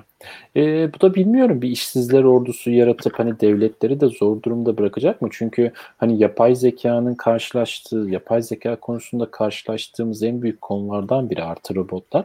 Hiçbir iş yapmayan insan ları ortaya çıkartacak. Yani işler tamamen yapay zeka ve robotlar tarafından hallolurken eğitimleriyle bir yere gelememiş, bir şey yapamamış, orta düzeyde, orta sınıfta kalmış e, belli bir kitle ortaya çıkacak ve bu kitle hiçbir yerde işe giremeyecek. Çünkü oralar tamamen kuşatılmış olacak bunlar tarafından ve devletlere de bir yük binecek. Çünkü üst düzeyde e, okumuş etmiş bir şeyler yapmış ve şu anda bu sistemleri tasarlayanlar, yapanlar, onları üretenler, onlara yardımcı sistemler üretenler çalışırken onlar çalışamıyor olacaklar. Bir de devletlerin onlara bakması gerekecek. Bu da belki ek bir vergi yükü ya da bir karmaşa falan getiriyor olabilir. Bu, Evet, bu konuda evet. ne diyorsunuz? Sıkıntılı bir süreç Ee, aslında geliyor olabilir bu bağlamda.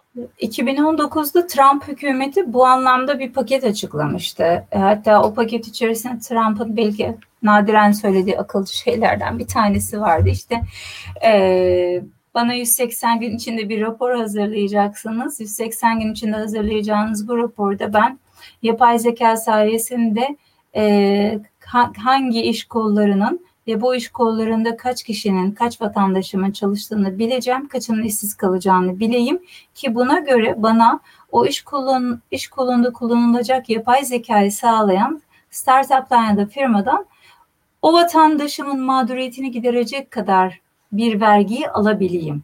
Mesela e, Trump'ın almış olduğu eylem buydu.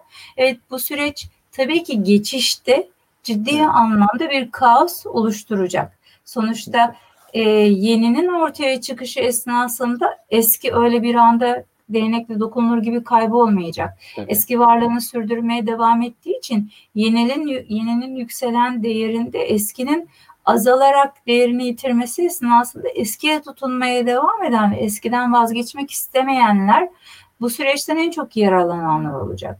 Tabii. Ama şunu söylemekte fayda var. Bu öyle çok sert bir geçiş beklemiyorum ben. Korona belki insan insanlık tarihindeki en sert geçişin nasıl olabileceğini hepimize gösterdi. Tabii. Bu sürecin ben insanoğlunda gerçekten neden var olduğumuzu göstereceğine inanıyorum. Çünkü biz bilişsel kapasitemizi kullanmak için var olan bir ırkız. Dolayısıyla bilişsel kapasitesini kullanmaya devam edenler için merak eden, sorgulayan, araştıran, gözlem yeteneği yüksek olan bireyler için bir ortada bir sorun ya da sıkıntı görmüyorum zaten. Ama bundan kaçınan ya da bunu bir şekilde tercih etmeyen, tek düzeleşmiş o yapı içerisinde var olmaya devam edenler için büyük bir problem geliyor. Büyük bir sıkıntı geliyor. Çünkü yapıların hepsi değiştiği yerde değişime direnen ya da eskinin yanında kalmayı seçenler zaten yok olmaya mahkum olacaklar. Sistemin burada öğüttüğü bir makine değil bir insan olduğu için hepimiz üzgün olacağız ama bu şu andan öngörebildiğimiz bir şey. Şu anda öngörebildiğimiz üstelik de tarihte örnekleri olan bu durumu düz değiştirebiliriz. Bakın e, meşhur bir deyiş vardı. E, tarih ezeli bir tekerrürdür. İlki trajedidir, ikincisi komedidir der. Evet. Şimdi mesleklerin değişimiyle ilgili dönüp bakın tarih kitaplarına en bilindik örneklerden bir tanesi İbrahim Müteferrika'nın matbaayı e, getirme sürecinde Hattatların isyanı ve Osmanlı Devleti'nin bu noktadaki durumudur. Şimdi mesela orada Hattatların isyanı matbaa ve Osmanlıların yerine işte Türkiye Cumhuriyeti, işte sarı taksiciler ve sürücüsüz araçları koyun ya da Tabii. sürücüsüz drone taksileri koyun. Olay yine aynı şekilde cereyan eder. Dolayısıyla bunun geleceğini bilerek kafamızı deve kuşu gibi kuma gömmeden önce eğer bu gelecekse ben kendimi nasıl modifiye edebilirim? Nasıl güncelleyebilirim? Bunun cevabını verebilmek önemli. Şirketler açısından da, bireyler açısından da. Evet, evet. Aynen öyle. Aynen öyle.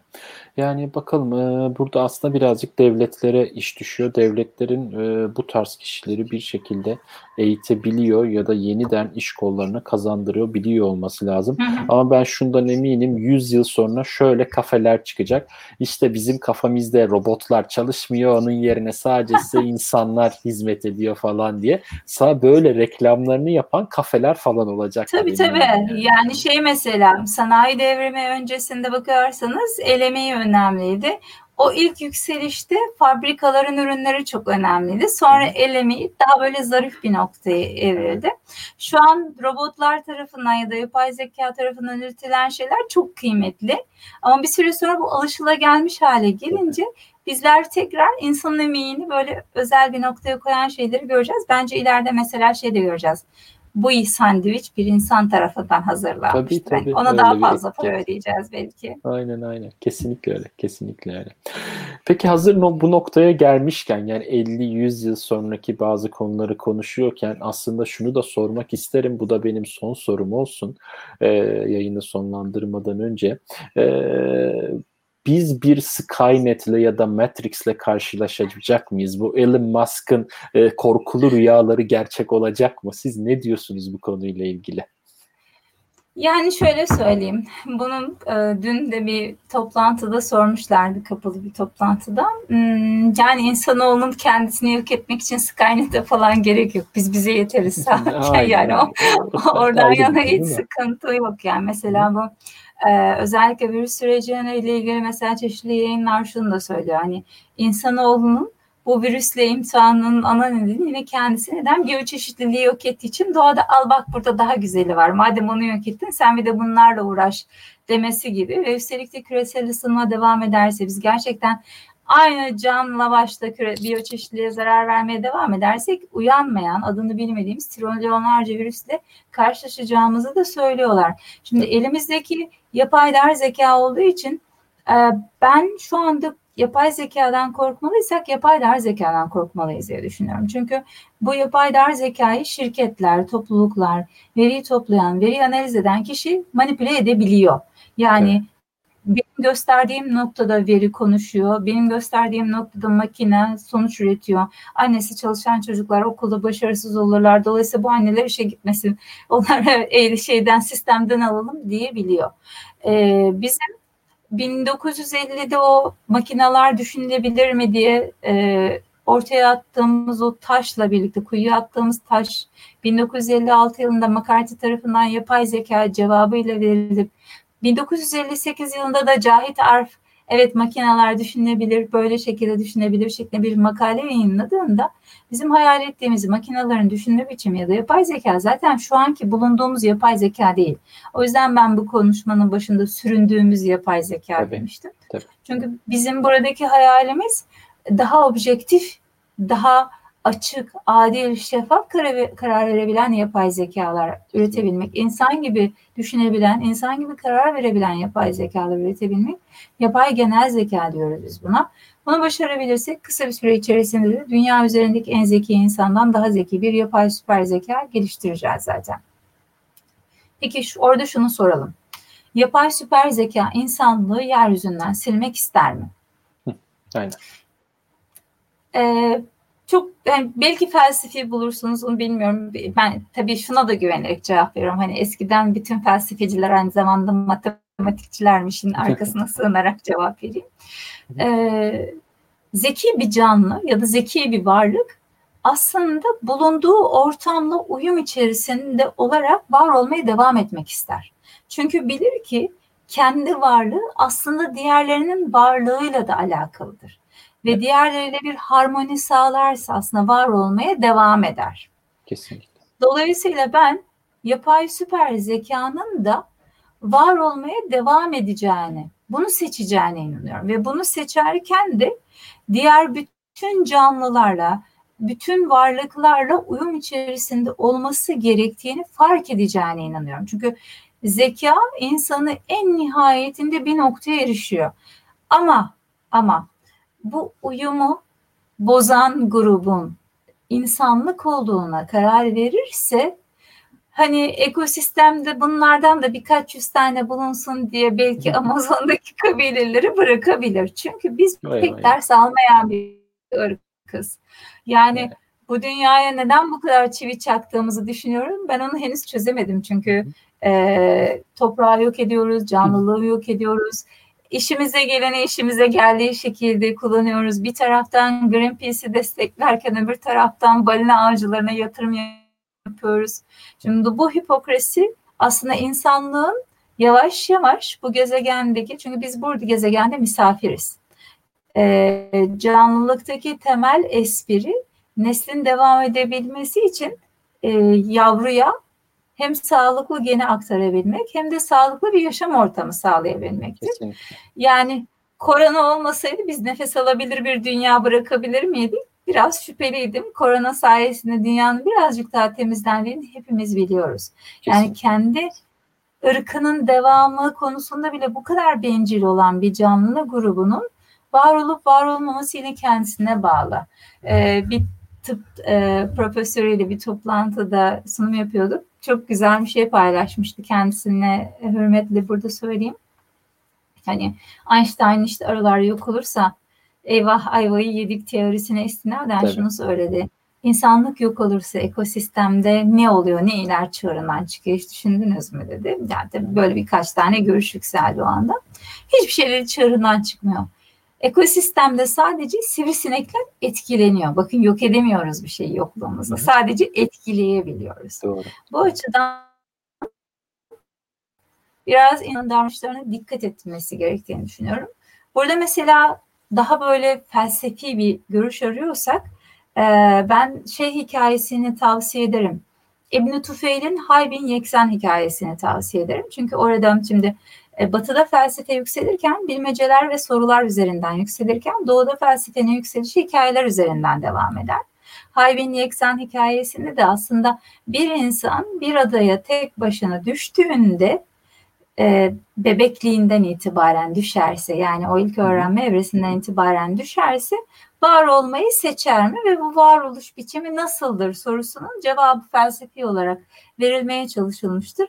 Orada da o insanın kendisinin varlığının diğer canlılarla onları yok edebilme becerisine rağmen diğer canlılarla var olabilmek, birlikte var olabilmek olduğu ortaya konulmuştur. Bence yapay süper zekamız da böyle bir karar verecek.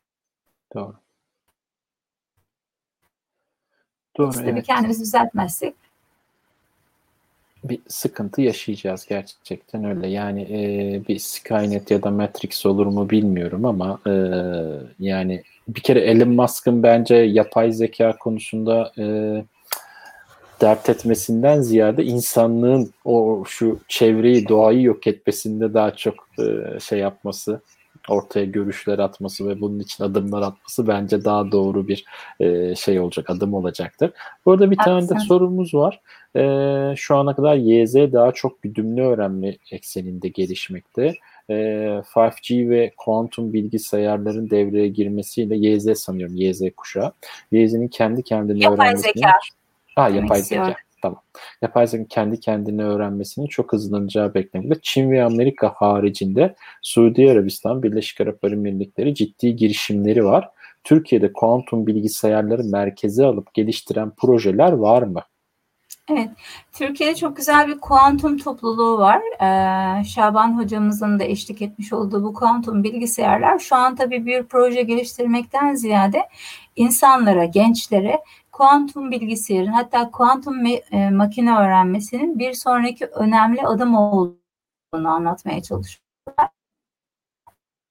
Ve kuantum e, makine tarafında nasıl kendilerini geliştireceklerine dair önemli bilgiler veriyorlar. Biraz tabii burada e, kuantumla yani kuantum e, bilgisayarlarla proje geliştirilmesi ciddi anlamda yatırım gerekiyor. Kuantum bilgisayarlarla ilgili yapılan hamlelerde bir tane proje vardı diye hatırlıyorum. Biraz askıya alınmış, biraz yavaşlatılmış vaziyette. Fakat burada şunu söylemekte fayda var. Yani bir yanlış algıyı düzeltelim. MIT 2019 yılını derin öğrenmenin yılı ilan etmişti. 2020 yılına ise reinforcement learning yani pekiştirmeli öğrenmenin yılı olarak ilan etti. Çünkü e, güdümsüz öğrenmede ki bence unsupervised öğrenmede yani denetimsiz güdümsüz öğrenmede önemli öğrenme yöntemleri arasında yer alıyor. E, yüksek miktarlardaki o etiketli veri ve verinin doğru bir şekilde etiketlenmesi sorunsalı ciddi anlamda kritik hem de mahremiyetin sınırları da devreye giriyor. Şimdi pekiştirmeli öğrenmede olay birazcık daha basitleştirilmiş vaziyette. Yani belki o kadar büyük miktarlarda veriye ihtiyacınız yok ama doğru tanımlanmış bir amaç fonksiyonuna ihtiyacınız var. Çünkü makineye siz diyorsunuz ki doğru karar budur. Sen bunun yönünde bir adımda bulunursan, buna ulaşırsan sana artı bir, ulaşamazsan eksi bir cevabını veriyoruz. Şimdi bu hamlelerimiz makineyi koşullu öğrenme yöntemine doğru itiyor. Ama bizim koşullu öğrenme, şimdi e, çocuk yetiştirmedeki en kötü yöntemlerimiz arasında. Ama biz insan gibi düşünebilen bir yapay zekamız olsun istiyoruz. Ama bu yapay zekayı en kötü insan yetiştirme yöntemiyle öğretmeye çalışıyoruz. Burada bir e, kısıtlılık var. Doğru değil bu. Bence e, reinforce, reinforcement learning'de fuzzy reinforcement learning'e doğru geçilmeli. E, çünkü doğrular kadar yanlışlar da çok önemli. Tabii, yani ins siz Lütfi Askerzade'nin fazi mantığını bu yöntemin içerisinde uygularsanız makine belki artı bire erişebilecek bir karar kuralı üretmez ama yüzde 98'e erişebilecek bir karar kuralı üretir ya da sonuç üretir. Siz o yüzde ikilik hatanın kaynağından geriye doğru giderek bunu nasıl iyileştirebilirim ya da bu yüzde 98 neden böyle oldu sorusunun cevabını verebilirsiniz. Artı birler ve eksi birler gibi siyah beyaz gibi iki keskin çizgi aradaki bütün alternatiflerin iptal edilmesi gerçek zekanın ortaya konulamadığının bir göstergesi. Ee, bir de tabii dediğim gibi hala insan nasıl öğrenir bilmiyoruz. Böyle bir bilgimiz yok. Böyle bir bilgimiz, böyle bir modelleyebildiğimiz, matematiksel modelini üretebildiğimiz öğrenme altyapımız, felsefemiz olmadığı için de istediğimiz kadar altyapı geliştirelim, istediğimiz kadar kuantum bilgisayarlarımız olsun, yapay zeka tarafında bir tık ileriye çıkamayacağız. O da farklı bir nokta olarak dursun burada. Evet, evet, aynen öyle. Evet, daha konuşacak aslında bir sürü konu var, bir sürü bir şeyler var. Daha da hani sabaha kadar gider bu yapay zeka muhabbeti. Hani ben de yapay zeka konusunda öğrenimimi almış da bu alanda hani bir şeyler yapmış biri olarak çok da meraklıyım da zaten bu konuya. Ee, o nedenle şey böyle daha çok daha gider ama biz artık bu yayını bitirelim isterseniz. Zaten ben normalde bir saatte falan bir saat 15 dakikada hani şey yapıyorum da bir saat 35 dakikayı falan bulduk. Süper oldu. Ee, teşekkür çok ederim. teşekkür ediyorum katıldığınız için. Vallahi çok ben da güzel bir ederim. sohbet oldu. Böyle güzel güzel konuştuk. Değişik konulardan işte yani sadece yapay zeka değil onunla çer- çerçeveli olarak da işte Covid'in de hayatımıza girmesiyle farklı konuları da e, işin içerisine alarak çok güzel şeyler konuştuk. Çok teşekkür ediyorum geldiğiniz için. Umarım tekrar ben başka bir yayında ediyorum. buluşuruz. İyi günler, iyi akşamlar diliyorum. İyi akşamlar. Bye bye.